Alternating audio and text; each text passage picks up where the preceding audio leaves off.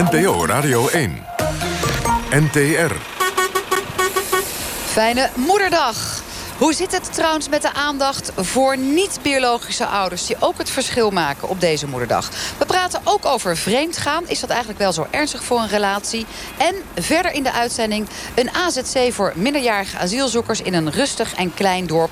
Is dat wel een goed idee, net als windmolens erbij hier? En dat allemaal vanuit Utrecht live is dit het debatprogramma van de NTR. Kwesties met Marianne van den Anker. Goedenavond. Elke zondag reis ik in deze knalgele bus van de NPO Radio 1... kriskras door Nederland om het vooral met inwoners te hebben... over wat hen aan het hart gaat. Welkom allemaal. Dan moet je wat terug zeggen. Ja, ja, dankjewel. Hallo. Het is moederdag vandaag. Ik ben zelf verwend. Ik heb vijf kinderen. Die hebben me in het zonnetje gezet. Ik heb knutsels gekregen. Ik ben natuurlijk verwend met een heerlijke lunch. Nou, wie heeft er vandaag zijn moeder bezocht? Of haar moeder? Ja, Kokkie hoor ik. Helene. Ja, je moeder bezocht? Nou, ik heb mijn moeder uitgenodigd voor een brunch bij ons in de molen. En uh, dat was erg gezellig, samen met mijn broer en mijn zus. Ik heb zelf mijn moeder nog niet gezien. Die zie ik pas aanstaande donderdag. Wie heeft zijn moeder, als hij nog leeft, vandaag al gesproken of een berichtje gestuurd? Allemaal toch hopelijk wel? Ja, Kees. Ja. Heel goed. Wie is er zelf als moeder in het zonnetje gezet? Als stiefmoeder. Ja, nou, dat fantastisch is... vanochtend. Heerlijk ontbijtje gehad. En een hele mooie bloemenvaas met bloemen. Dus uh, ik, ben, uh, ik ben verwend. Heerlijk. En dat zegt Diana Jansen Verwijs. Hij woont hier in de buurt. We staan overigens met de bus, om heel precies te zijn, in de Meren. Als stiefmoeder. Als stiefmoeder. Nou, ja. heel bijzonder. Ja, heerlijk. Uh, want ik ik denk, ja, ik ben geen moeder, dus ik, ik kan het niet helemaal zeggen. Maar ik denk dat het heerlijk is uh, als een kind zelf kan kiezen uh, of ze wel of niet wat hoeven te doen. En dat is bij een stiefmoeder natuurlijk wel het geval. Ze hoeft niks, ze mag alles. En ze heeft het gedaan. En uh, heerlijk, ja. Wie vinden hier in de bus het een belangrijke traditie, Moederdag? Ja, ik vind het een belangrijke traditie. Ik heb geen moeder meer. maar wij hebben dat ook niet echt gevierd. Uh, 40 jaar terug of 50 jaar terug. Het is pas later een echt commerciële toestand geworden. Oh, echt? Maar was er vroeger ook niet op school dat je moest knutselen voor je nee, moeder? Wij knutselden niet voor moederdag. Maar was er in die tijd, want hoe oud ben jij, Bart? Ik ben 71. Oké. Okay. Nee, het is pas in een veel latere tijd is het echt een item geworden, moederdag. En ik, als ik nu naar mijn neefjes en nichtjes kijk hoe het gaat, dan vind ik het wel dat het een heel leuk feest is. Met z'n allen op bed, met, rond uh, mama. En jij vindt ja. het niet te commercieel geworden? Want je kan echt uh, drie weken voordat het moederdag is... de kranten niet openslaan of online iets aanklikken. Want het is allemaal moederdag, moederdag, koopspullen, koopspullen. Maar daar ga je zelf over, toch? Kokkie Dros, jij bent moeder van best wel een jong kind. Ja, van vier best wel jonge kinderen. Ja. Leeftijd tussen de 8 en de 12. Ja, doen mij maar elke zondag uh, moederdag, uh, zou ik maar zeggen. Nou, weet je, ik vind de traditie, traditionele kant ervan heel erg mooi. Soms ook pijnlijk. Uh, ik zat bijvoorbeeld vanochtend bij ons in de kerk... en dan denk ik toch even... vanochtend werd er niet heel erg veel aandacht aan besteed. Maar wij hebben bijvoorbeeld een speciale kindernevendienst. En er is wel eens zo'n zondag geweest... dat kinderen dan uit die dienst terugkomen... met een roos voor hun moeders, weet je wel. Mm. En dat vind ik dan best ook wel even pijnlijk. Aan de andere kant vind maar ik... in ja. de zin van dat ouders of moeders overleden kunnen zijn... of dat ja, er of niet zelf geen kinderen hebben kunnen krijgen... of geen relatie hebben, weet je wel. Dat soort dingen, dat is voor dit soort dagen natuurlijk dan weer schrijnend. Aan de andere kant vind ik dat niet een reden om het uitbundig te vieren... want wat Bart zo mooi zegt, het is ook echt heel tof. En ik ben wat dat betreft gewoon een slaaf van de commercie. Geef mij een reden om mij cadeautjes te geven en ik ben voor. hebben ze ook klusjes moeten doen? Want dat hoor ik ook steeds dat vaker dat kinderen doen, dat Maar er is geen bal van terecht. Toch weer zelf de was en de vaat, ja, hoor, et cetera. Ja. Um, Sander, jij zei net ook uh, dat jij uh, moederdag hebt gevierd. Wat heb jij gedaan? Ik ben uh, vanmorgen met mijn vrouw uh, welkom geheten in, in bed met, met onze kleine dochter van zes. Die uiteraard wat moois heeft geknutseld op school. En een, een lekker pakketje gegeven aan haar. Ik heb zelf mijn moeder nog niet uh, gesproken. Vind je het een traditionele aangelegenheid die we voort moeten zetten, Sanne Deelman Moederdag? Ja, ja vind, ik, vind ik wel. Ik, ik vind uh, überhaupt ouders, als je ziet wat die doen voor de kinderen... dat dat uh, belangrijk is dat die ook gewoon een keer het, het, respect daarvoor terugkrijgen. Dat zeg ik thuis ook wel eens. En dan te bedenken dat de tijd dat je als moeder het hardst draaft voor je kinderen... kunnen zich niets meer van herinneren. Al dat rondgeloop met die kids en het verschonen... en nog een, hè, een klein verzorgend actie er tegenaan. Dan hebben we natuurlijk ook een aantal niet-biologische ouders. Nou gaan er stemmen en geluiden op om ook voor de niet-biologische ouders een ouderdag te organiseren. Nou, wij zeggen vanuit kwesties, jeetje, wat een onzin. Maar misschien, Diana Veijen, zeg jij als stiefmoeder wel. Het is juist wel heel goed om ook voor niet-biologische ouders een ouderdag te organiseren. Ehm, wat, wat ik vind als stiefmoeder, dat is dat je... Ja, je werkt net zo hard. En uh, wij hebben de kinderen in de oude, co-ouderschap. Ehm, maar ik vind niet, dat vind ik net zoals voor de gewone moederdag. Ik, ik, heb mijn moeder net gezien. Ik vind het heerlijk om een cadeau te kopen en om lekker uit eten te gaan en leuke dingen te doen. Maar ik vind niet dat dat speciaal op deze dag hoeft. Dus ik als stiefmoeder zit niet te wachten op een dag waarvan ik zeg: Oh, nu gaan de kinderen iets doen omdat dat 12 mei is of 15 mei is. Uh, en zou je dan ook weer een 11 mei of een 15 mei Precies. of iets dergelijks? Voor mij is het belangrijk dat er respect is over en weer. En, dat je, ja, dat je toch uiteindelijk. Uh, uh, het hele jaar het leuk met elkaar hebt. Ik, vind het eigenlijk, ik vind het eigenlijk zelfs wel een beetje beledigend naar die groep. Alsof zij gewoon niet een echte moeder zijn voor die kinderen.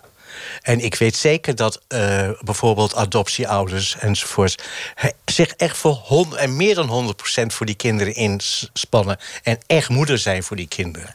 Maar en, ik denk die bij zo'n niet-biologische moeder niet meteen aan adoptiemoeders, maar veel meer aan stiefmoeders of nou ja, via. Maar ik denk uiteindelijk ook dat, dat die ook in het zonnetje worden gezet, Bart. Ik geloof niet dat als een relatie goed is, dat er een extra dag voor nee, gepland moet worden. Ja. Ik geloof dat dat.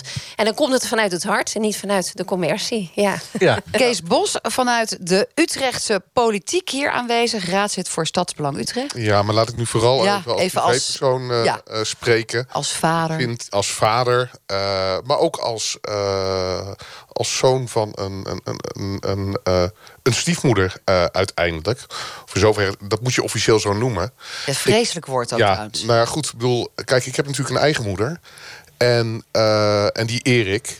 Eh, maar die stiefmoeder, die, dat is mijn moeder niet. En als er een speciale dag voor wordt georganiseerd... Dan, dan is het toch een soort van morele claim om daar wat voor te doen. En vanuit dat perspectief zeg ik van... inderdaad, het is aan het kind. Laat het kind zelf een keuze maken... of ze een stiefmoeder of een andere moeder wil eren. Nou, eh, ik denk dat dat weer voer is voor een reactie. Wellicht wel van Helene de Boer, fractievoorzitter van GroenLinks in Utrecht. Maar ook natuurlijk hier wellicht aan het spreken als degene die vandaag haar moeder nog heeft bezocht. Ehm, nou ja, ik had mijn moeder uitgenodigd. Ik vind sowieso met Moederdag dat kinderen dat heel erg zelf moeten weten. Dus ik ben niet zo erg voor het commerciële feest, maar veel meer voor, eh, ja, doe vooral veel leuke dingen met je moeder als je dat leuk vindt. En niet per se op Moederdag. Dus nou weer een aparte dag. Ik denk dat je eh, het gewoon op dezelfde dag zou kunnen doen. Kokkie, jij zet eventjes je kopje koffie neer... want jij bent niet alleen relatiedeskundige... maar ook moeder van vier. Ja. Je zit in een christelijke omgeving. Wat vind jij van zo'n extra dag voor Nou, niet-biologische het- ouders? Toen ik het las, dacht ik van ja, weet je, ik begrijp dit. Dat ze daar even extra aandacht willen besteden. Want dit is natuurlijk een ergens een nieuw fenomeen... wat steeds gewoner aan het worden is. Wat we steeds meer tegenkomen. Ik, gisteren ving ik bij de kapper even zo'n gesprek op... van een man en de, en de kapper. En dat zijn de leukste gesprekken. Dus ik gewoon een ordinair afluisteren. En die Oh, ik dacht hier in de bus dat dat de leukste gesprekken ja, absoluut. En daarna bij de kapper. En, eh, maar die man vertelde, of de kapster vroeg, wat ga je morgen doen? Heb je, nou, hij was zelf vader, dus eh, hij zette zijn vrouw in het zonnetje. Dan moest hij nog naar zijn eigen moeder, naar zijn schoonmoeder... naar zijn stiefschoonmoeder en naar zijn eigen eh, stiefmoeder. En toen dacht ik, oké, voor mij is dat, in mijn christelijke bubbel... Ondenkbaar. Nou ja, voor mij niet als persoon, maar even, dat kom je niet 1, 2, 3 overal tegen. Eh, maar het is wel iets wat steeds gewoner aan het worden is. En ik begrijp dus dat de schrijfster van het boek, ik weet haar naam even niet meer, dat ze dat eventjes in de wilde aanstippen. even aandacht eh, daarvoor wil vragen. Wat ik begrijp. Maar om dat zo eh, geforceerd te doen, dat is, ja, je merkt het hier, dat voelt zo onnatuurlijk dat daar niemand volgens mij echt gelukkig van wordt. En ondertussen is het natuurlijk toch even aangestipt... en wij hebben het er hier bij kwesties ook weer over gehad. Wij staan met de bus van NPO Radio 1 in Utrecht... in de wijk De Meren... om het met inwoners te hebben over een aantal zaken die hier spelen. Onder andere een groot aantal windmolens die hier op komst is... als het tenminste aan de gemeente Utrecht ligt. En trouwens op steeds meer andere plekken in het land... want ja, het is niet zo dat ze allemaal op zee kunnen... dus steeds meer in dichtbevolkte gebieden komen ook die windmolens. De vraag is of dat de lokale politiek wel luistert naar de zorgen en de wensen van de mensen hier. Diana Jansen-Verwij, u bent buurtbewoner. Ja, u hebt een heel A4'tje volgeschreven. Nou, ik heb er zelfs twee of drie. Als, Twee ik, dat zou, als, ik, als ik eh, de tijd zou hebben, zou ik het Oh, graag allemaal ja. vertellen. Maar ik weet dat dat niet gaat lukken. Hoeveel windmolens gaan er ongeveer komen hier als Nou, het aan de lokale politiek ligt? Wij zijn eh, vorig jaar eh, half mei geïnformeerd hier in de Schram, vlakbij. En toen lagen er een eh, zestal scenario's. Ehm, en uiteindelijk liggen er nu nog, ook nog zes scenario's. Maar er is een nieuw scena- scenario aan toegevoegd door wethouder Lot van Hooijdonk. Ehm, en wij weten eigenlijk niet Van precies. GroenLinks. Ja, wij weten eigenlijk niet precies hoeveel windmolens er gaan komen. Vindt u het een goed idee dat ze er komen? dat is helemaal geen goed idee. En waarom niet? Omdat ik eh, woongenot in combinatie met verduurzamen heel belangrijk vind. Op dit moment eh, komen er eh, eh, windmolens op, van 240 meter hoog zijn voorgenomen. Niet in ieder geval voorgenomen besluit. Inclusief die bladen, Inclusief de 230? bladen, dus dan ja. is die as ongeveer 150? 150. En dat betekent de slagschaduw tot 3, 4 kilometer de meren in. Ik weet, ik weet niet of iedereen daar, zich daarvan bewust van is. Maar het betekent ook veel geluidsoverlast. Wij wonen bijvoorbeeld aan de Rijenskop. Rijenskop ligt al aan de snelweg. Daar gaan wij op dagen regelmatig over de toegestaande decibels heen. Ja, dat gaan de windmolens aan de andere kant nu doen. En wat we eigenlijk zien is dat onderzoeken die gedaan zijn naar geluid... Ja, dat er hele delen weg zijn gelaten. We hebben een DGMR-rapport gezien waar 18 punten zijn, ja, ja. Waar, geen, eh, waar 18 punten zijn uitgewerkt. Dus jullie zijn ook nog eens een keer een beetje boos over het feit boos. hoe er met jullie wordt omgegaan. nou, daarom zijn we heel blij dat we hebben niet Lot van Hooijdonk, Nee, eh, nee. de wethouder aan boord, maar wel Helene de Boer, fractievoorzitter van GroenLinks uit Utrecht. Dank je wel dat je hier bent gekomen. Jullie voorkeursvarianten, dat is dan eh, eh, iets wat wij weer hebben opweten te duiken, is zelfs elf grote windmolens. En de geluidsoverlast, waarvan denkt u als GroenLinkser dat dat waar mensen mee te maken zullen gaan krijgen? Nou, met geluid is het zo dat het eh, eh, niet bij elkaar opstapelt, maar dat je het door elkaar heen eigenlijk eh, mengt. Hè? Dus die snelweg die zit inderdaad voor de meeste bewoners tussen waar de windmolens komen en waar zij wonen. En eh, eh, de, is- volgens de berekeningen gaat het geluid van die windmolens er eigenlijk niet overheen komen, behalve op sommige eh, hele stille tijden in de nacht.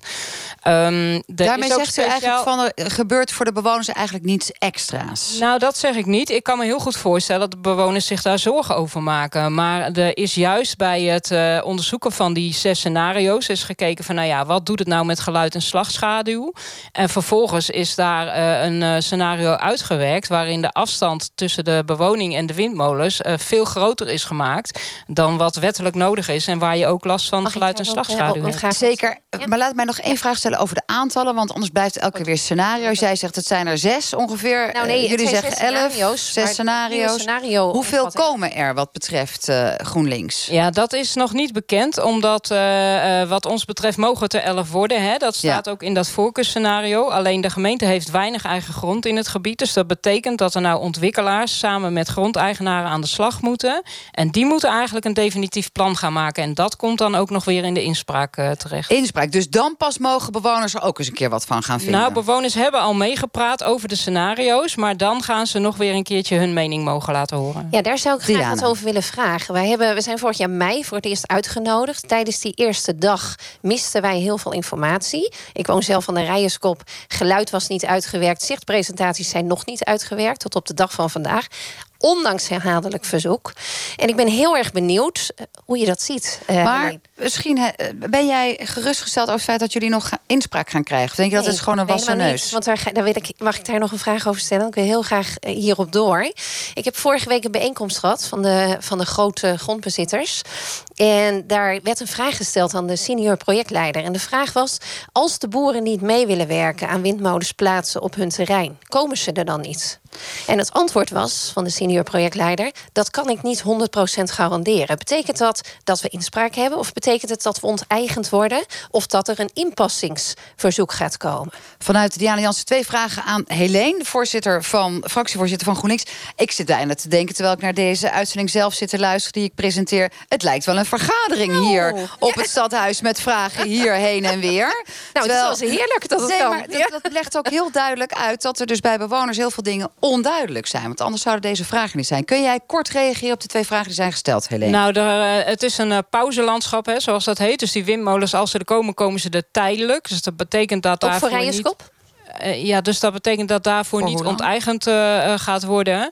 Eh, dus eh, ja, we hebben grondeigenaren nodig om überhaupt... want er wordt ook gesproken over zonne-energie... Hè, niet alleen over windmolens... om überhaupt daar energie op te kunnen gaan eh, wekken. Dus dat is nu eh, eh, het gesprek wat gevoerd wordt. Nou, Het gesprek. Of wellicht een debat. Want Kees Bos, uiteindelijk zal het ook in de politiek natuurlijk nog tot eh, een, een klinkende goedkeuring moeten komen. U bent raadslid voor Stadsbelang Utrecht. Bent u een voorstander van het idee om maximaal elf windmolens hier in de Meern te gaan neerzetten? Ik ben een voorstander van een energielandschap, een tijdelijk energielandschap. Maar ik ben geen voorstander van windmolens. We hebben er ook een amendement op ingediend.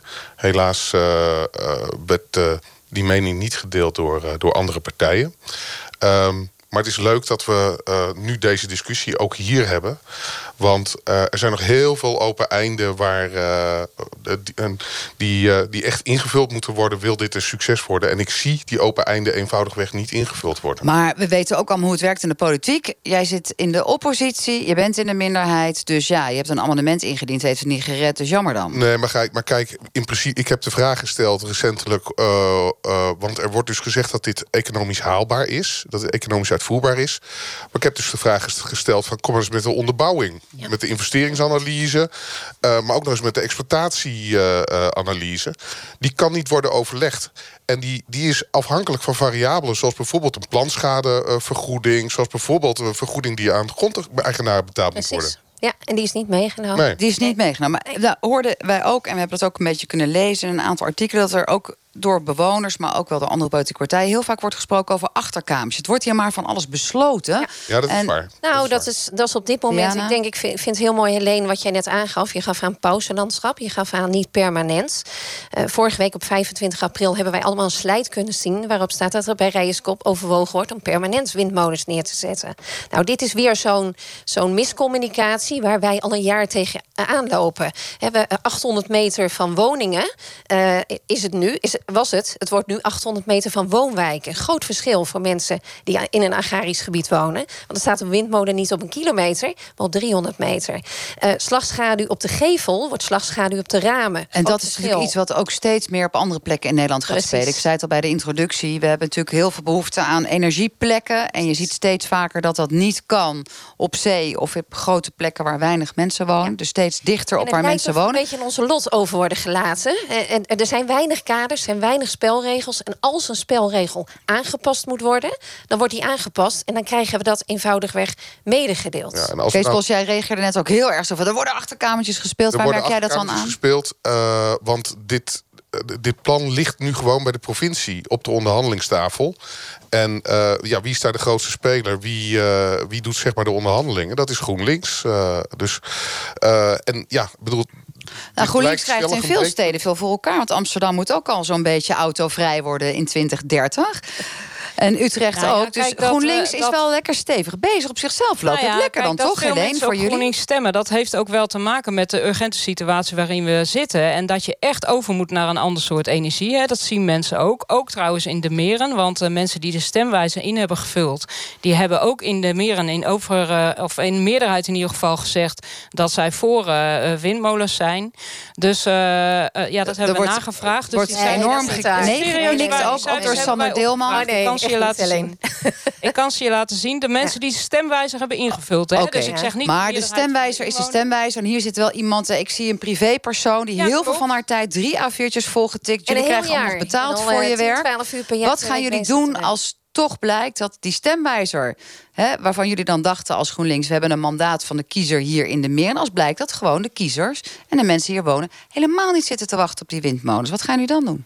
Nou ja, wij zijn nu bezig met dat plan verder uit te werken. Hè? Dus eh, eh, het is zo dat het voor Nederland nodig is dat je. Maar laat ik het wat scherper zeggen. En sorry dat ik je onderbreek, Helene. Maar ik vind het fijn. Je kan het hebben als fractievoorzitter van GroenLinks. Je bent wel wat gewend in de gemeenteraad. Stel nu dat blijkt dat als Diana en al haar mensen hier in de meer gewoon tegen zijn. Wat doe je dan als politiek? Ram je het er doorheen of ga je naar een ander alternatief op zoek?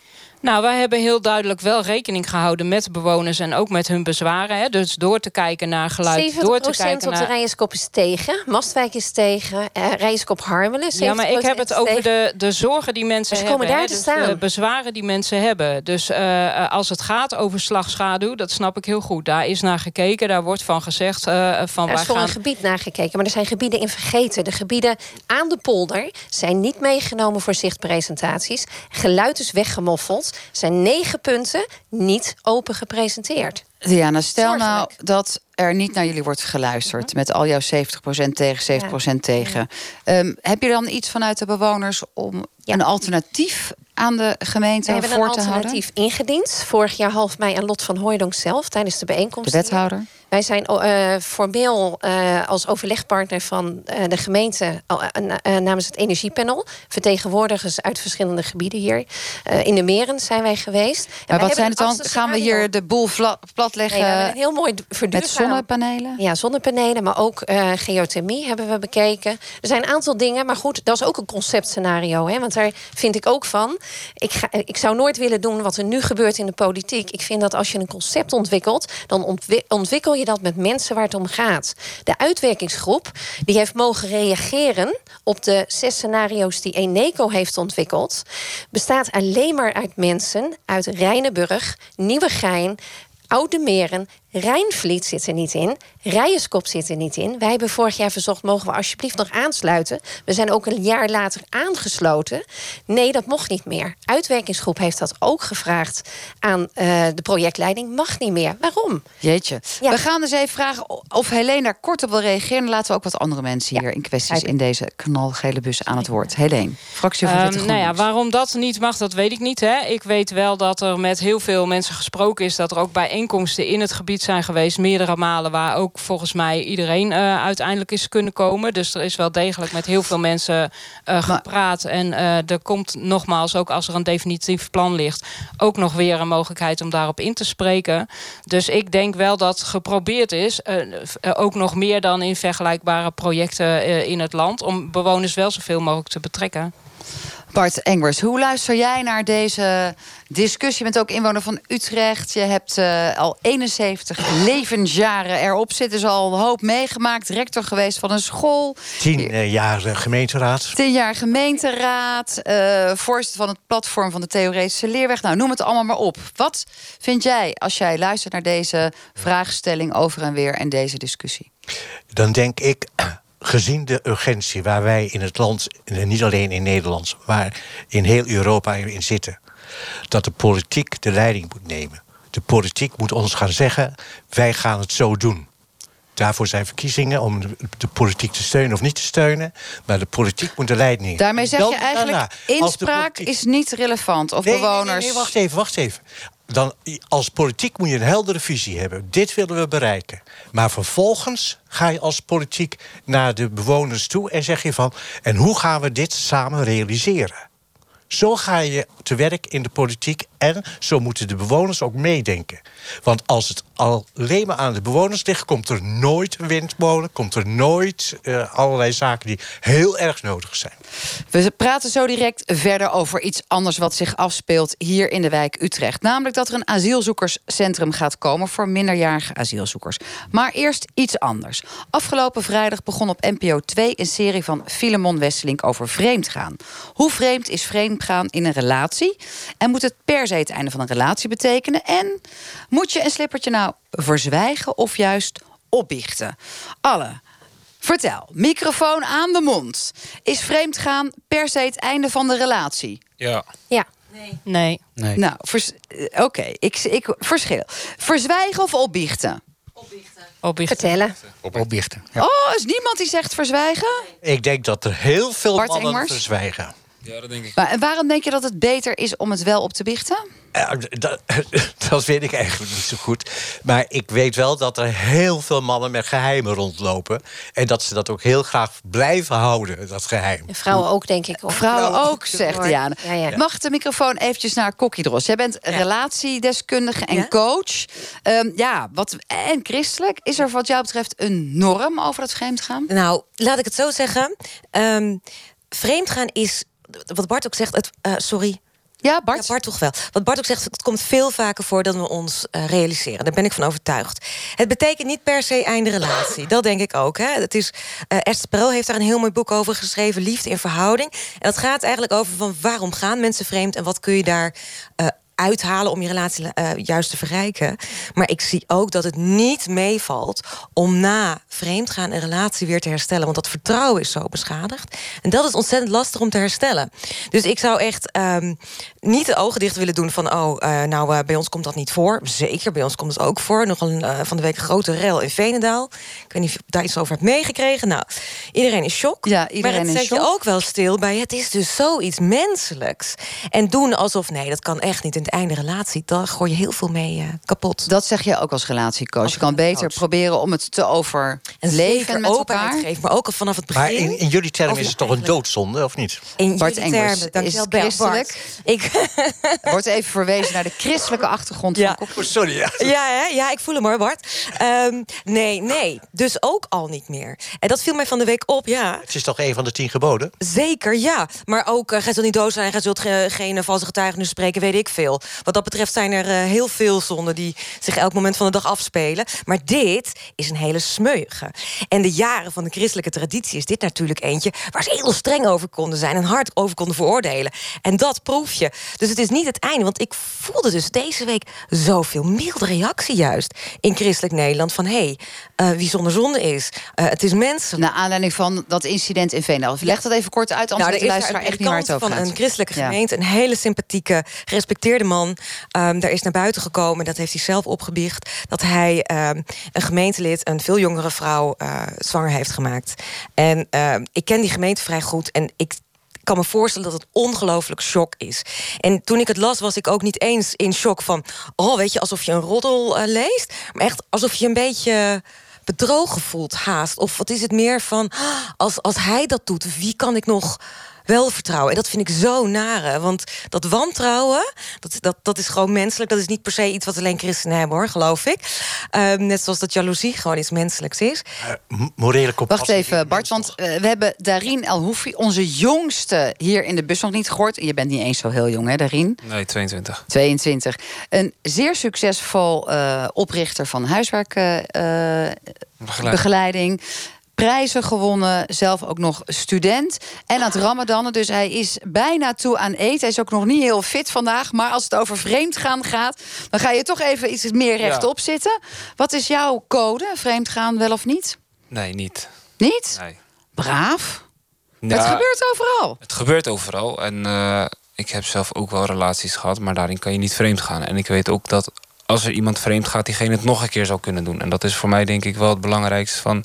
je gaf net zelf ook aan, het is heel lastig om het vertrouwen dan weer op te bouwen. Dus ik vraag me dan eigenlijk ook wel af aangezien jij de ervaringsdeskundige bent... hoe vaak komt het nog goed tussen een relatie? Als nou, iemand ja, even als, als relatie. Ja. Gelukkig, nee, ik heb echt ja. een heel fijne relatie. Nee, nee, nee, nee als, als, ja, ja, als relatiebegeleiding. Als coach. Nou, hoe vaak Nog even, voordat we naar ja. Kokkie gaan... zou jij, als je, uh, als ik jou zo beluister... dan ook als je toch per ongeluk vreemd gaat... het dan eigenlijk ook verzwijgen?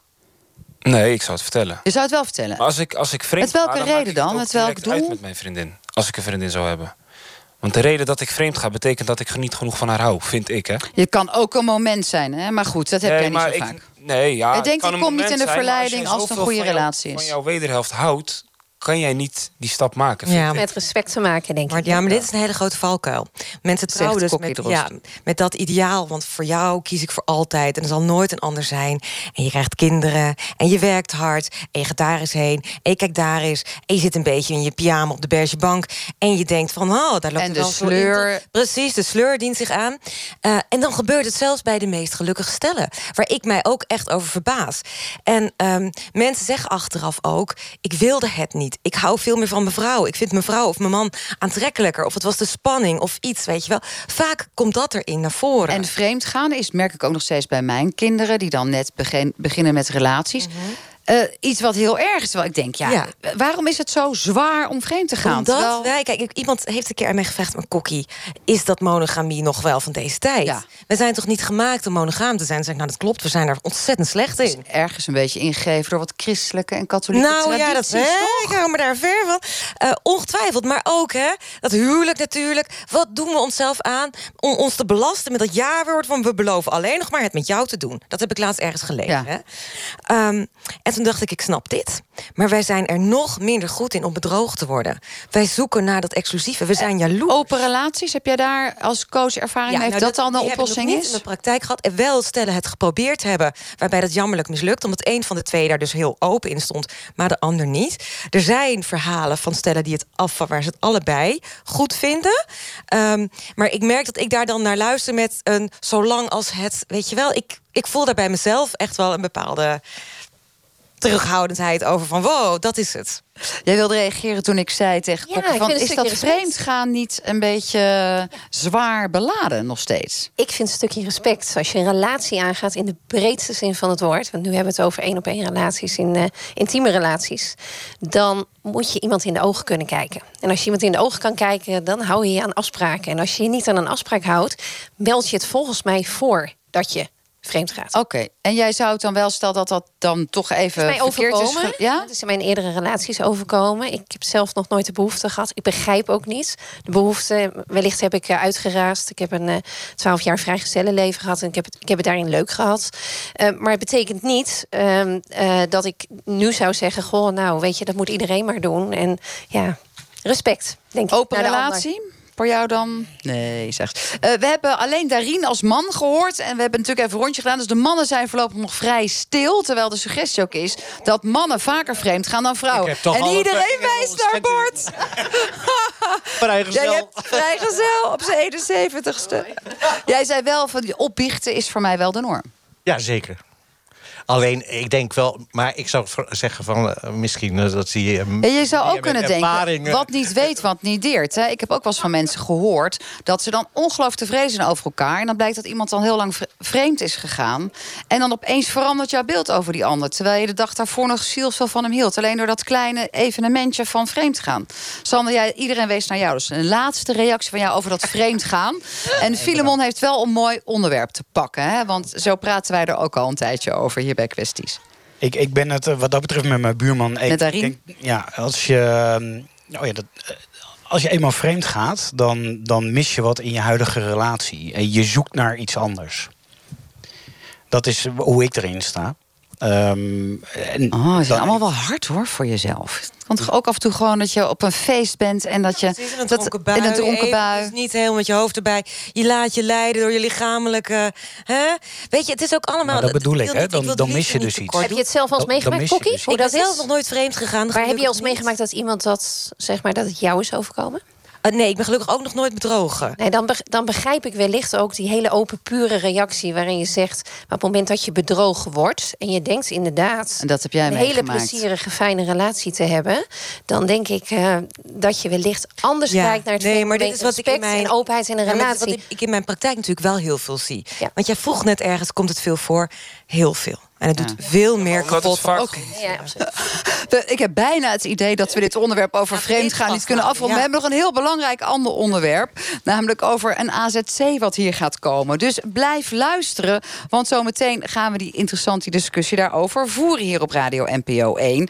Dat asielzoekerscentrum dreigt hier om de hoek te komen op de Meentweg. Er is al een villa aangekocht voor een miljoen. En het COA is van plan om daar op korte termijn jongere asielzoekers te gaan huisvesten. Maar eerst, bij een maatschappelijk probleem, bij een kwestie, kan er nou net één iemand zijn die echt het verschil maakt. Maar ook in een persoonlijke kwestie kan dat zo zijn. We vroegen daarom deze week, doen we elke week, aan een bekende Nederlander die dan hier in deze buurt woont, aan de Utrechtse dichter en schrijver Ingmar, Ingmar Heitse. Wie heeft voor u nu het verschil gemaakt? Die voor mij wel een eh, behoorlijk verschil heeft gemaakt. In het begin, we het over, eh, ik denk eind jaren negentig, was Ronald Giphart. Eh, een eh, schrijver te Utrecht. Sowieso iemand die debuteerde en niet naar Amsterdam verhuisde, maar gewoon in eh, onze stad Utrecht bleef wonen. En ja, die, die, die, net in jaren vijf voorliep. En die heel erg bereid was om, om een hand te reiken aan jongere schrijvers en dichters. En een beetje met ze mee te denken. En ze te helpen als hij kon. En als hij het zag. En ik heb als jonge dichter... ja, kijk, er, er zijn wel meer van dat soort schrijvers en dichters. En ik probeer zelf ook zo iemand te zijn. Die open staat voor jonge mensen. En ze probeert te helpen als hij kan. Om het bastion van de letteren in te loodsen. Uh, maar voor mij was dat toevallig Ronald Giphart. En uh, nou, daar, daar ben ik hem dankbaar voor. Dus die heeft voor mij echt een verschil gemaakt. Dat was uh, Ingmar Heidse, overigens met een prachtige stem, deze Utrechtse dichter. Kwesties met Marianne van den Anker. U luistert naar het debatprogramma Kwesties van de NTR. En ik sta met de bus van NPO Radio 1, zoals gezegd, in de Utrechtse wijk De Meren. Het COA heeft hier een villa gekocht. Twintig meerderjarige asielzoekers gaan hier wellicht wonen. Jongeren tussen de 14 en 17,5 jaar die zonder hun ouders naar Nederland zijn gevlucht. Een deel van de inwoners in deze wijk ziet dat AZC helemaal niet zitten. Een petitie daarover is inmiddels ruim 600 keer ondertekend. Sander Deelweg, u bent zo'n buurtbewoner. Waarom moet er nou geen AZC voor minderjarigen komen bij u in de buurt? Nou, laat ik beginnen met te zeggen dat ik het heel vervelend vind om deze discussie te leiden over mensen die wij uh, over hun rug die we helemaal niet kennen. Um, we hebben net een andere discussie gehad over de windmolens. Het is, uh, uh, ja, het is een beschamend dat in anderhalf jaar tijd de wijk de Meren Zuid voor de derde keer landelijk nieuws is geworden. En elke keer vanwege hetzelfde? vanwege het, het slechte uh, bestuurlijke besluiten van de gemeente Utrecht. En om het even in te vullen, de prostitutiezone kwam waarvan bewoners het idee hadden... het wordt over ons uitgestort, windmolens worden over ons uitgestort... en dan nu ook weer een AZC. Het wordt over ons uitgestort, de gemeente roept dat er inspraak is... dat ze willen co-creëren, maar ondertussen zijn wij de dumplek van gemeente Utrecht. Ja, zo is de petitie inderdaad ingestoken. Um, dat wij dit besluit van, van de COA en van de gemeente Utrecht hebben aangegrepen om hier zo hard in te gaan. Als we gaan kijken, de petitie is ondertussen 1300 keer getekend. Kijk. De petitie tegen de windmolens is bijna 3000 keer ondertekend. En dat geeft toch een signaal af naar de gemeente Utrecht dat uh, op een andere manier gewerkt moet worden met de bewoners. Er werd net al met de windmolens ook gesproken over samenwerking, maar wij zien hem niet. Dit is ook weer een verdongen feit wat bij ons neergelegd wordt. Een ander ding, wij leren onze kinderen dat je niet mag pesten, want pesten doet pijn. En deze gemeente is stelselmatig deze wijk aan het pesten. Oh, dus een en, treitert, en treitert uh, de, de mensen hier letterlijk de wijk uit. Ik maar jij... jij woont ook hier in Utrecht, hè? Ja, klopt. Vind jij het echt serieus een AZC plaatsen bij jou in de buurt uh, pesten? Nee, de gang van zaken van de gemeente Utrecht vind ik pesten. En de beoogde groep die hier geplaatst zal gaan worden door de COA past niet in deze wijk. Zet je hier drie gezinnen neer met nog vijf mannen erbij, past prima en gaan wij helpen. De maar hoezo passen ze niet in de wijk als ik vraag mag? Omdat dit een wijk is waar vooral oudere mensen wonen en uh, gezinnen met jonge kinderen. En het maakt niet uit waar je vandaan komt, maar als jij twintig pubers bij elkaar zet in één huis, dan dat vraagt om moeilijkheden. Maar het COA zal er toch ook wel een beetje op letten? Of denk jij niet uh, daarin al hoef je dat dat gebeurt? Nou, ik denk het wel. En ik vind het eigenlijk best wel raar dat ik nu te horen krijg dat omdat er hier best wel veel ouderen wonen en mensen met gezinnen en jonge kinderen daar geen pubers tussen passen. Nee, dat is, dat is niet wat ik zeg. Zou jij wel zo'n bij jou in de wijk zo'n uh, villa vol met uh, jongeren willen hebben tussen de 14 en 17,5? Ja, prima. Wat, en is, wat is daar mis mee? Veel mensen geven ook aan, ja, het zijn getraumatiseerde jongeren, dus ze zijn wellicht agressief. Uh, horen uit andere gemeenten, zoals uh, gemeente Kampen, zitten veilige landers bij. Die gaan lopen ratten, jatten, roven en stelen. Ja, ja, ik weet niet wat ik daar zo. Ja, weet je, je moet die jongens. vind je dat sensatie van mensen? Ik vind het een beetje overdreven, inderdaad. En in welke wijk woon je? Diana. Ik woon op de Laan van Volloven in Zeist. Want ik ben, ik ben heel erg benieuwd, want uh, even los van buurtbewoners, en, want ik, ik deel je mening. Maar wij zijn een dorp. De, mening van Darien of de mening van Sander? Dat het... Dus ja, wij, wij zijn een dorp. En wat we zien in dit dorp um, is dat er bijvoorbeeld. Dat moet ik even voor de luisteraar uitleggen. De Meren was vroeger een zelfstandig dorp. Inmiddels ja. is het een wijk van Utrecht. Utrecht. Maar jullie voelen het nog steeds. Nou als ja, wij zijn dorp. hier ooit gaan wonen omdat wij dorpsfaciliteit hadden. Dus twintig jaar geleden is dat natuurlijk zeg maar toegevoegd aan Utrecht. Ehm, maar wat ik zie is dat wij nog steeds niet ingericht zijn op onderdeel van de stad zijn. Als hier een groot feest wordt gegeven bij La Place, dan komen hier via Facebook 2000 auto's op een zaterdagavond. Die gaan daar herrie schoppen en dan komt er één politieauto en die denkt dan dat ze de hele AC-parkeerplaats leeg krijgen. En ik denk dat dat een beetje is waar de zorg over gaat. Zijn wij als onderdeel van de stad, maar als voormalig dorp ingericht op, ehm, op dit soort hè, uh, voorzieningen die dan toch algemeen maatschappelijk, net als de windmolens, er neergezet moeten werden. Nee, nee. Uh, Bart Engers, voormalig gemeenteraadslid en heel veel oud-rector en een man die vindt dat we open moeten zijn over vreemdgaan. Ik, uh, ik um, heeft hier niks mee te maken. Hè? Nee. Ja, ik, ik heb heel erg te doen met deze AMA's. Namelijk, die asielzoekers. dat zijn jong, uh, meestal onvol, uh, nog niet volwassen asielzoekers. En kijk, maar daar geldt voor mij weer hetzelfde als wat ik er net over de windmolens zei. De politiek moet inderdaad ergens voor staan. En die hebben gewoon de plicht om deze jongeren op te vangen. En die moet ergens in Nederland kwijt. Oh, punt. Maar dan vind ik het ook logisch dat je vervolgens met de wijk in gesprek gaat en zegt van... nou, laten we eens gewoon met vijf jongeren hier beginnen. Laten we het eens opzetten zo van... hoe gaat dat nou met die vijf jongeren? Oké, jij zegt het voorstel van getrapt, maar die villa is gekocht. Probeer en dus die wijk te betrekken bij die jongeren... zodat je langzamerhand gewoon een echt niet een vreemde eend in de bijt hebt... maar een, een in de wijk verankerde groep jongeren. En dat zou volgens mij de methode moeten zijn die gevolgd moet worden. Oké, dat is dan getrapt. Helene de Boer, fractievoorzitter van, van GroenLinks. Dat is eigenlijk ook wel de manier waarop het in Utrecht gebeurt. Hè. Dat is bijvoorbeeld ook zoals het in Overvecht is gegaan. Jawel, want er wordt wel gezegd... Uh, er gaat zo'n uh, faciliteit komen... maar vervolgens gaat er wel met de buurt gekeken worden... van hoe gaan we dat vervolgens vormgeven. Ja, en dat is bijvoorbeeld dat ook... is niet waar nou, dat is bijvoorbeeld ook in Overvecht gebeurd. Wat GroenLinks betreft, laat ik het dan zo zeggen... gebeurt dat in eh, de Meren ook. Dat je kijkt van wat kunnen we dan ook voor bewoners... voor positieve dingen uh, van, bij zo'n uh, voorziening krijgen. En in Overvecht waren er bijvoorbeeld mensen die van tevoren zeiden... van nou, het gaat echt niet gebeuren, we steken de fik erin. Die nu de grootste bezwaarmakers waren toen het er weer wegging. Omdat het voor de wijk zoveel betekend heeft. Dus het kan ook heel veel opleveren. Ja, maar de ChristenUnie-wethouder Maarten van uh, Ooyen... dat is degene die ook hier al is geweest, begrijp ik begrepen. Klopt dat, Sander Deelman? Heeft hij met jullie gesproken als verantwoordelijk wethouder? Uh, wij hebben uh, raadsleden en de wijkwethouder uitgenodigd... om met ons te praten. Daar is een stukje miscommunicatie geweest richting, richting de gemeente. Er zijn wat fractievoorzitters en raadsleden zijn bij ons inderdaad geweest. De wijkwethouder is op een later moment... bij een van onze bewoners thuis geweest. En daar zijn wel wat interessante antwoorden uitgekomen. De, de meest interessante vind ik dat er geen visie is voor de wijk Vleuten Want daar praten we over. Daar is de heer Van Ooyen wijkwethouder van.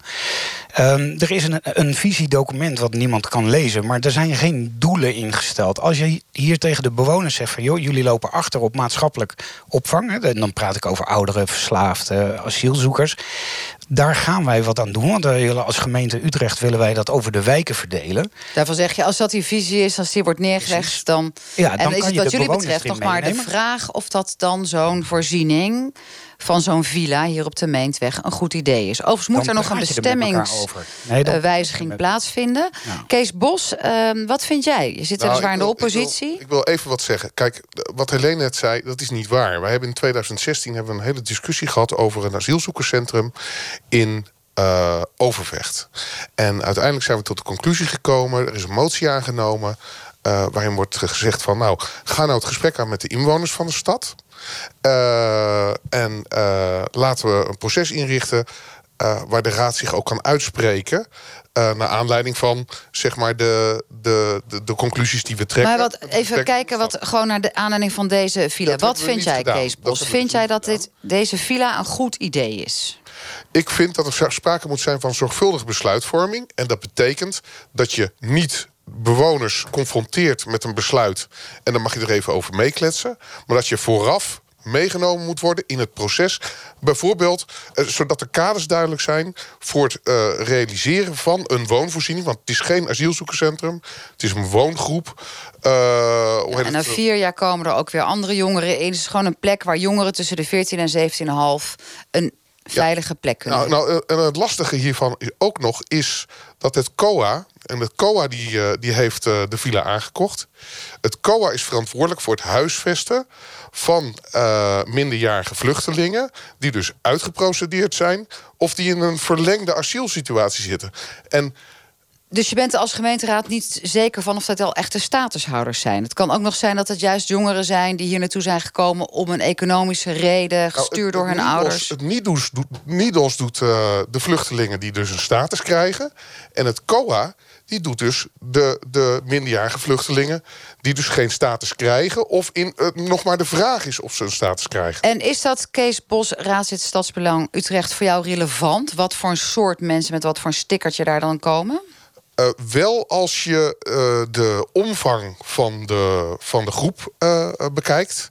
En het, het acceptatievermogen, de, de draagvlak, de draagkracht ook in de wijk. Helene, jij bent eh, eh, hier de enige in de bus die verantwoordelijk kan worden gehouden voor het beleid. Want je zit eh, bij de gemeenteraad in de coalitie en ook nog eens een keer voor GroenLinks, dus een regerende partij. Als je dit zo hoort, en met name ten aanzien van twee onderwerpen, zowel de windmolens als dit AZC voor minderjarigen, gaat de gemeente Utrecht dan dwars uit over bewoners heen en hebben ze het nakijken? Nou, eerlijk gezegd denk ik dat niet. Want eh, volgens mij gaat er echt gepraat worden. De wethouder is er ook al mee bezig. Hè, van hoe kunnen we dit op een goede manier vormgeven. Eh, dat er dit soort voorzieningen in de stad ergens een plek moeten krijgen. eh, Dat is een feit. Hè. Dat, dat vind ik zelf ook heel belangrijk.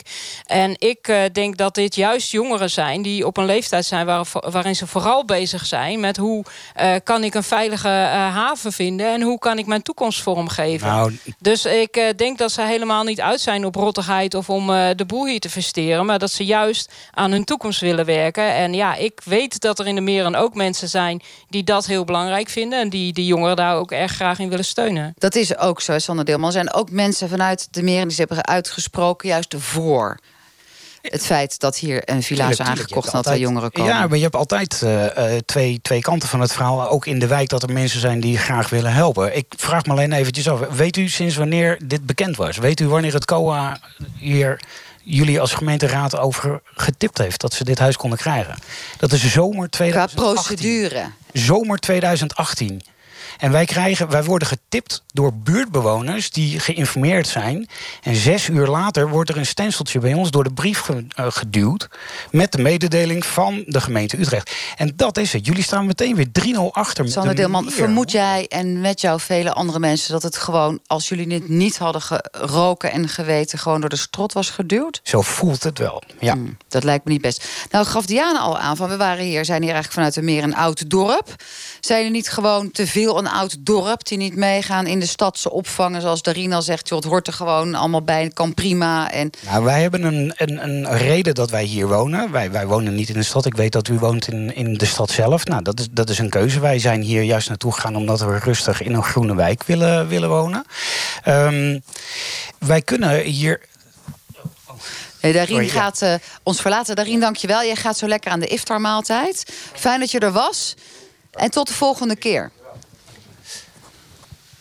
Ik ben even Praat mijn, verder, mijn Sander. eh, punt kwijt wat ik wilde. Maar eh, wij, wij, Vanuit, jullie Ja, zijn hier gekomen omdat jullie hier in een groene wijk Ja. willen wonen. Ik, ik denk dat als je gaat kijken naar het dorp, als de gemeente, waar, waar ik net al op, op wees, gewoon een visie met een duidelijk plan heeft. En er hoeven geen data's in te staan. Maar als je gewoon een plan aangeeft wat je van plan bent in de wijk Vleuten de Meren, krijg je veel meer mensen achter je.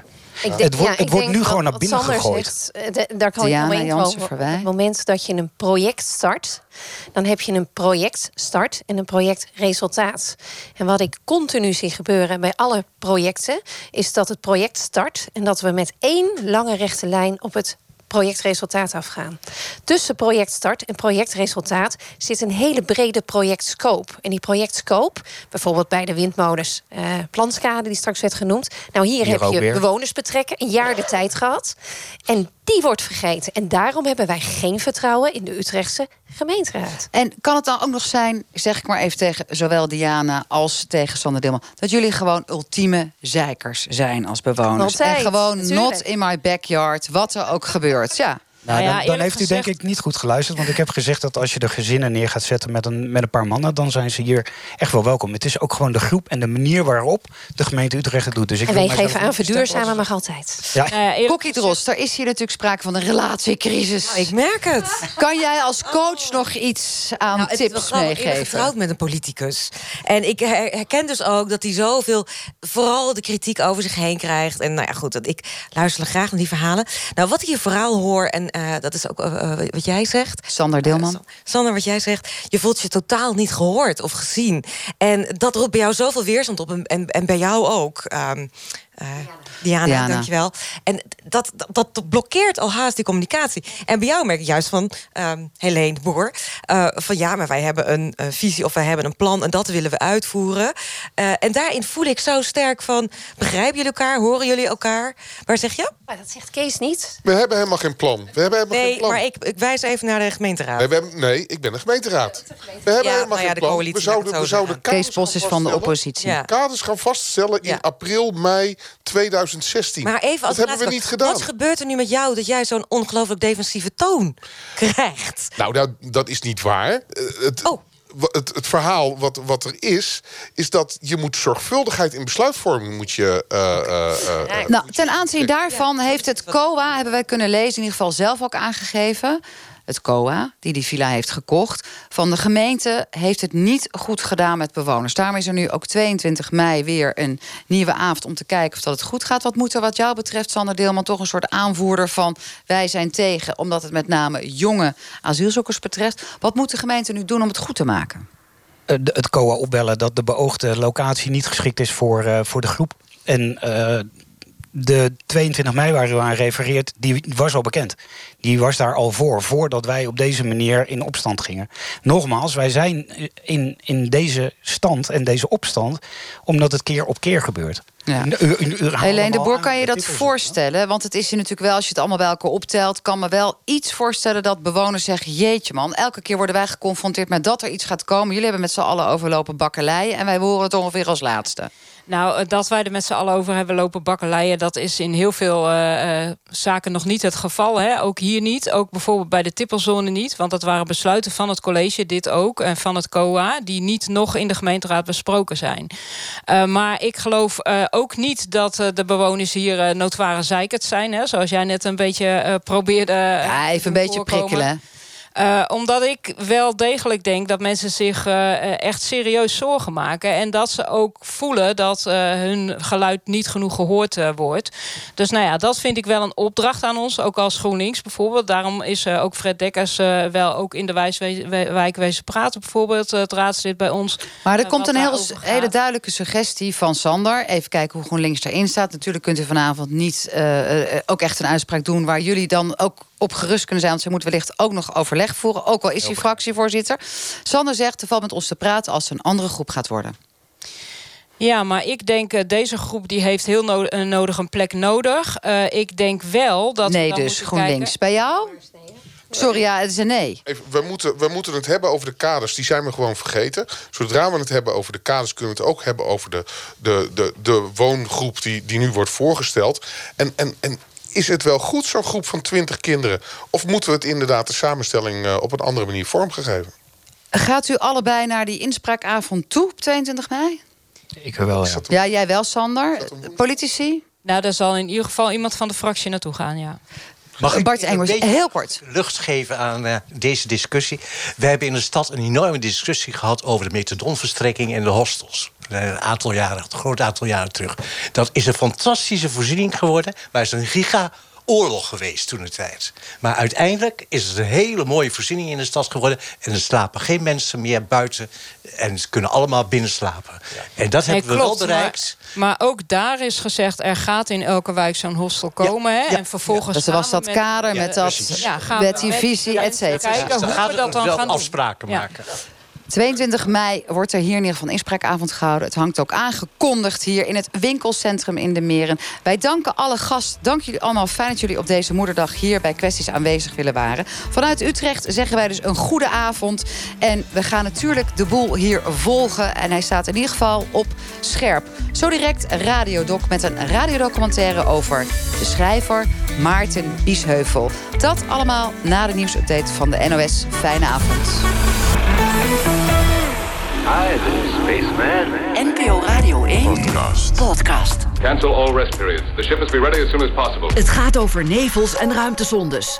En over zwarte gaten. I must go to base 12 on Mars. Ach ja, de planeet Mars blijft toch onze fantasie prikkelen. Luister naar de nieuwe podcast Zimmerman in Space. Dan gaat het wel over die mysterieuze planeet X. Eh, ja, hallo. Dit is toch een serieuze wetenschappelijke column? Waarin spacefanaat Hans Zimmerman ons meeneemt de ruimte in. Dat behoeft misschien wat uitleg. De podcast Zimmerman in Space. There are still too many unanswered questions. Haal hem binnen via nporadio1.nl of je favoriete podcast-app. Zeg Tom, waar moet je nou vooral aan denken bij het kopen van een andere auto? Eh, je portemonnee? Nee, gek. Nieuwe auto? Nieuwe premie. Anders mag je de weg niet op. Oh ja, slim, Tim. Nieuwe auto, nieuwe premie. Check het op allsecure.nl en binnen 20 seconden weet je hoe laag je premie is. Heb je boeken nodig voor je werk of voor een opleiding? Bestel ze bij managementboek.nl. De specialist voor managers en professionals. Makkelijk en snel. Managementboek.nl. Liquidaties oplossen. Dat doen we met rechercheurs. Maar ook met cyberspecialisten. Ben jij expert in IT? Maak er politiewerk van. Ga naar it.combijdepolitie.nl Pijnlijke gewrichten? Atrosan-tabletten van Avogel is een geneesmiddel dat helpt bij milde gewrichtspijn. Zodat u soepel kunt blijven bewegen. De tabletten zijn op basis van Harpagophytum. In Duitsland en Zwitserland wordt dit ingrediënt al veel gebruikt om gewrichtspijn te verminderen. Gewrichtspijn? Atrosan-tabletten van Avogel helpt. Traditioneel kruidengeneesmiddel. Lees voor het kopen de aanwijzing op de verpakking. Test je skills in de Cybercrime Challenge. Ga naar it.combijdepolitie.nl Zij had altijd gerookt boven het wiegje van de baby. Net als haar moeder en opa met zijn dikke bruine bolknak. Roken boven het wiegje, dat hoorde er gewoon bij. Maar nu mag dat dus niet meer. Ze mist het wel. Wij niet. Veranderen moet. Veranderen is goed. Incentro. We fietsen naar school, naar ons werk, voor de lol, door de natuur, dwars door de stad, met iedereen of soms helemaal alleen. Zon, wind, regen, we gaan altijd vooruit. Niets houdt ons tegen. We zijn niet gemaakt om stil te zitten. Fietsenwinkel.nl. Het grootste assortiment fietsen voor de beste prijs. NPO Radio